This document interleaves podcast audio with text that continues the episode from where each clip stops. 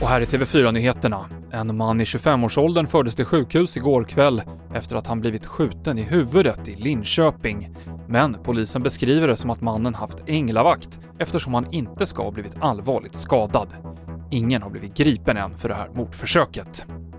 Det är oro för trängsel i kollektivtrafiken idag när det är skolstart för många och semestertiderna är över för de flesta.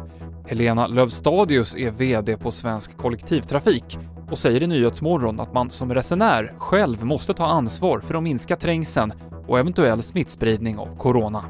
Det kommer alltid vara någonstans någon gång för mycket trängsel. Och det är därför vi har försökt ja, förmedla budskapet hela tiden att man själv måste vara den som avgör att är det för trångt för mig, gå av, kanske ta nästa tur. Så mm. man måste vara ute och planera sin resa mycket tidigare.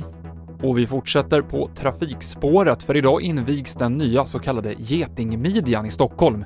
Det är en av de mest trafikerade tågsträckorna och har i omgångar varit helt avstängd tre somrar i rad under den här upprustningen. Trafikverket uppskattar att det gick 300 tåg per dygn förra året på de två spåren genom Stockholm. TV4-nyheterna med Mikael Klintevall.